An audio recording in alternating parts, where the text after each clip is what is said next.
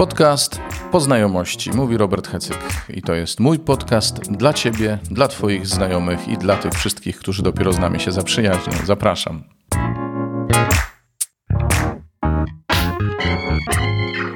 Witajcie już poniedziałek. No i bardzo przepraszam, że podcast nie ukazał się wczoraj, czyli w niedzielę, ale byłem w podróży. Byliśmy z braćmi w Malborku na spotkaniu tamtejszej wspólnoty. I stamtąd właśnie e, zaprezentuję Wam nagranie. Nagranie trochę poskładane, bo chcąc wyjść naprzeciw e, prośbom o zamieszczanie liturgii słowa, wklejam Wam tę liturgię słowa. Tym razem jednak nie nagraną e, na mszy, tylko zacytowaną z podcastu Piotra Siwika. Piotr codziennie publikuje czytania. Podcast nosi tytuł Czytania w drodze i oczywiście linkuję go Wam w opisie. Będzie też możliwość oczywiście przeniesienia się do poszczególnych rozdziałów.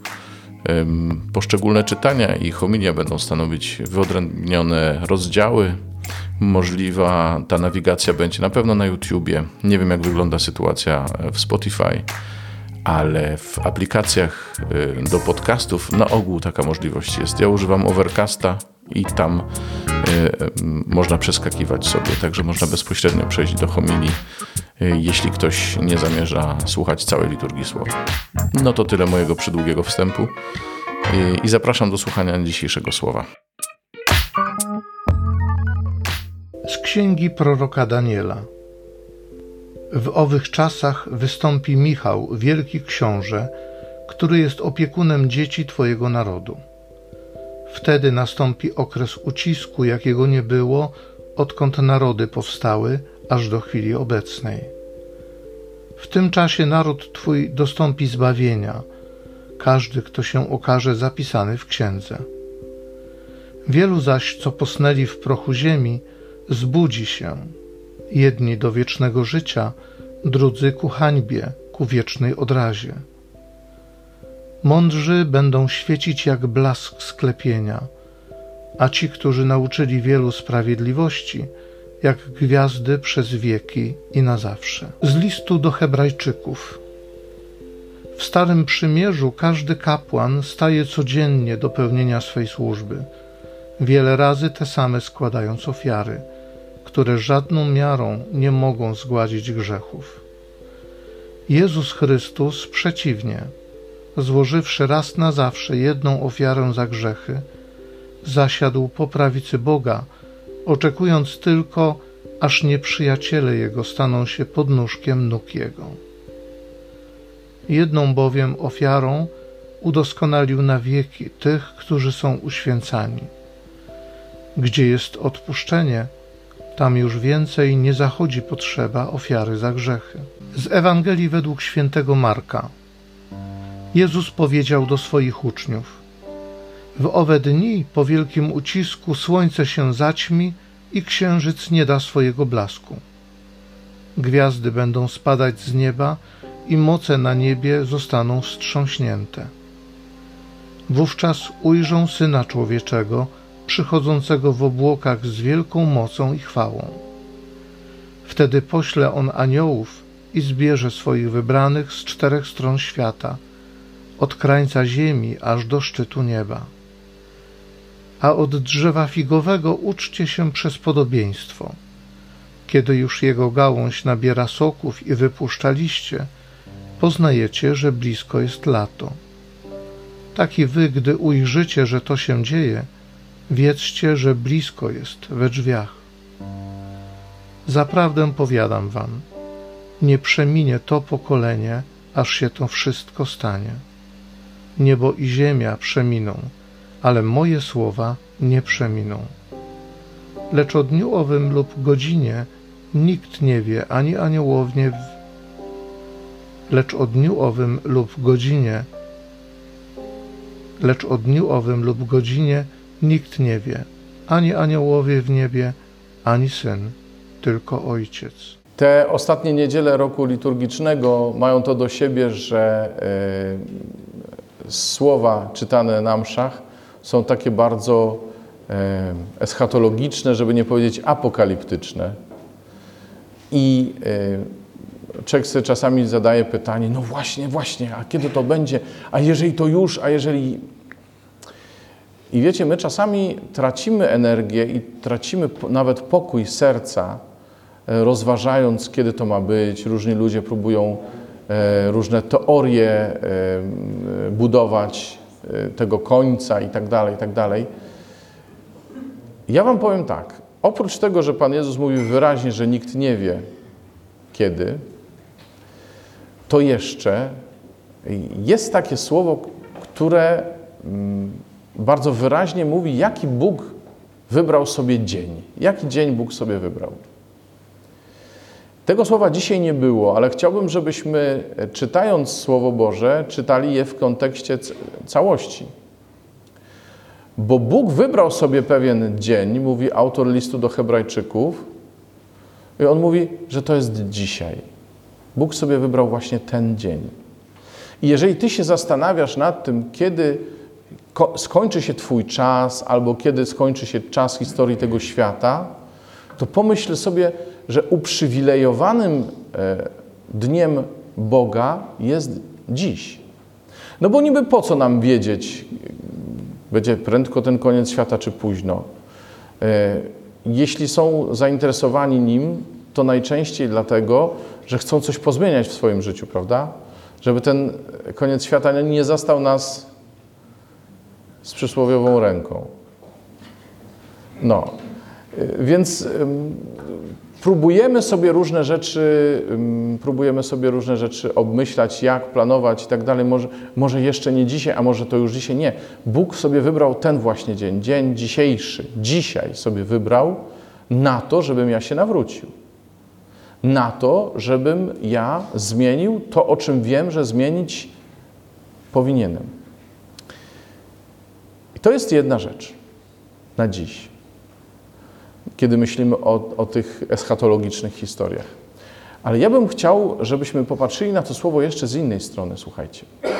Bo i w pierwszym czytaniu, i w Ewangelii mamy taką perspektywę dość dramatyczną różnych wydarzeń i kosmicznych, i jakichś trudnych sytuacji na Ziemi, i, i to wszystko wygląda tak strasznie.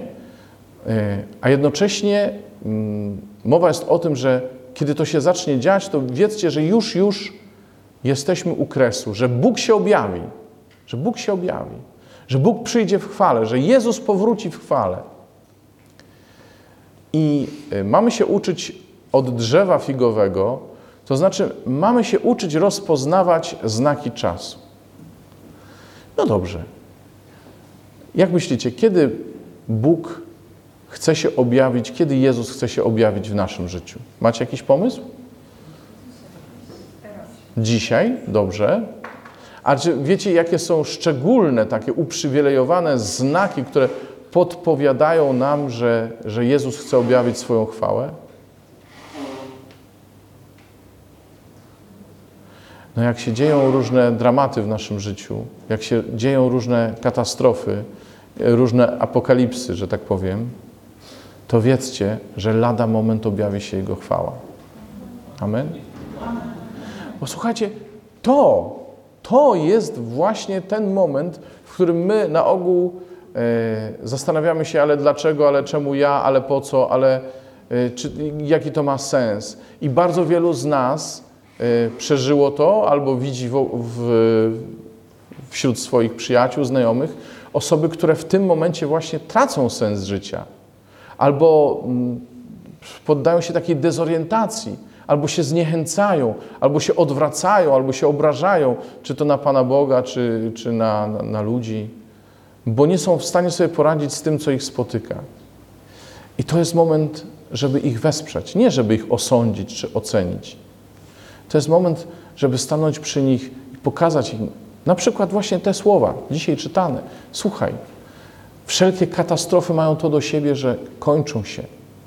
Kończą się z chwilą, kiedy Bóg objawi swoją chwałę. Od razu pewnie sobie niektórzy z Was przypominają e, dziewiąty rozdział Ewangelii Jana, kiedy mm, w związku z e, postacią niewidomego od urodzenia pytają się Jezusa uczniowie, e, dlaczego się tak stało? Kto zgrzeszył? Czemu on? Jego rodzice, czy on może zgrzeszył? Kto? Kto jest winien temu, że on nie widzi? I wtedy Jezus mówi: Nie stało się tak z powodu niczyjego grzechu, tylko żeby się objawiła Boża chwała. I słuchajcie, wierzcie mi, różne trudności, które nas spotykają, nie spotykają nas dlatego, że Bóg ich chce, albo że e, Bóg nas chce ukarać.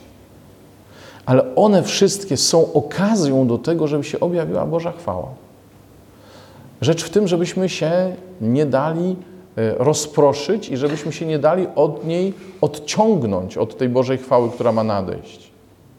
Bo kiedy się dzieją rzeczy trudne, to z człowieka zostaje wyciśnięte to, co w nim jest gdzieś na dnie serca.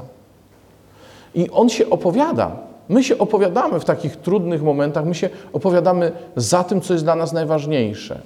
Bo kiedy tracimy różne rzeczy w życiu, to chcemy zachować to, co jest najcenniejsze. Nie wiem, jest pożar w domu, jest powódź, to uciekając z domu, zostawimy pewnie większość rzeczy, ale będą takie, które będziemy chcieli koniecznie zabrać, żeby je ocalić.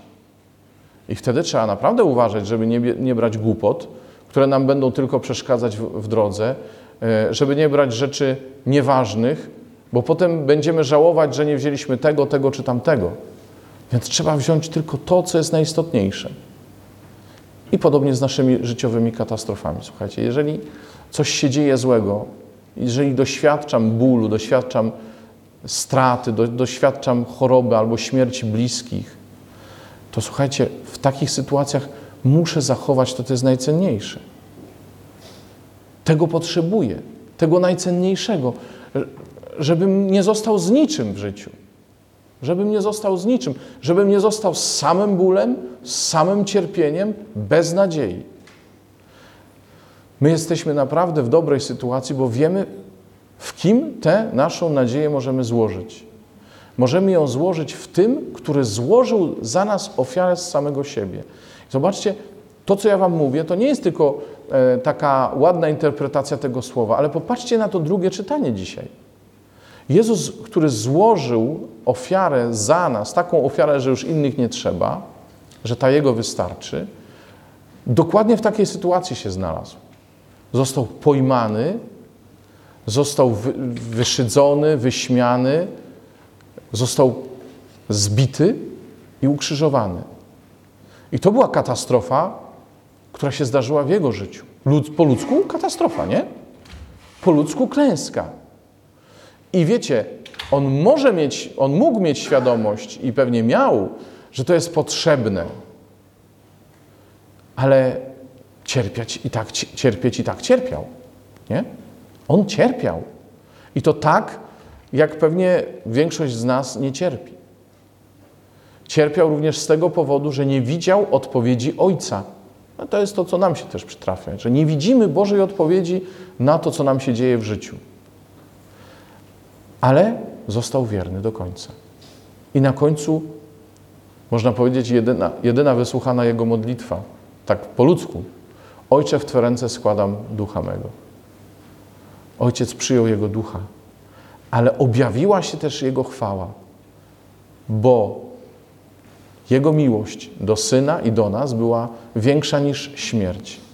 I zmartwychwstanie jest właśnie tym, jest objawieniem się Bożej chwały wtedy, kiedy po ludzku spotkały nas wszelkie katastrofy. Więc chciałbym sobie i Wam życzyć, żebyśmy nigdy nie stracili sprzed oczu tego, co najważniejsze. Żebyśmy, kiedy nam się będzie działo coś niedobrego albo naszym bliskim, żebyśmy po pierwsze trzymali się tego, co najważniejsze, czyli nadziei złożonej w Nim, że to są właśnie znaki, że ma się objawić Boża chwała że nasze cierpienia, nasz ból jest sygnałem. Bóg przyjdzie z mocą. Jezus przyjdzie do ciebie i odwróci tą całą sytuację. W ten czy w inny sposób, ale objawi się Jego chwała. Bo to są znaki konkretne, które mówią tak, Jego chwała ma się właśnie objawić. A druga rzecz, bądźmy zawsze takimi aniołami nadziei dla tych którzy cierpią wokół nas. Bądźmy prorokami dla nich. Mówmy im o tym. Słuchaj, cierpisz, ale Twoje cierpienie nie jest bez sensu. Po ludzku tak. Żadne cierpienie nie uszlachetnia. Pamiętajcie, nie wierzcie tym, tym bzdurom, że cierpienie uszlachetnia. Ale cierpienie, w którym złapiesz się Jezusa, jest dla Ciebie tylko wstępem do tego, żeby zobaczyć, jak On jest wielki, jak jest dobry, jak Cię kocha, jak Cię uwalnia, jak Cię zbawia. Amen? Amen. I tego nam wszystkim życzę.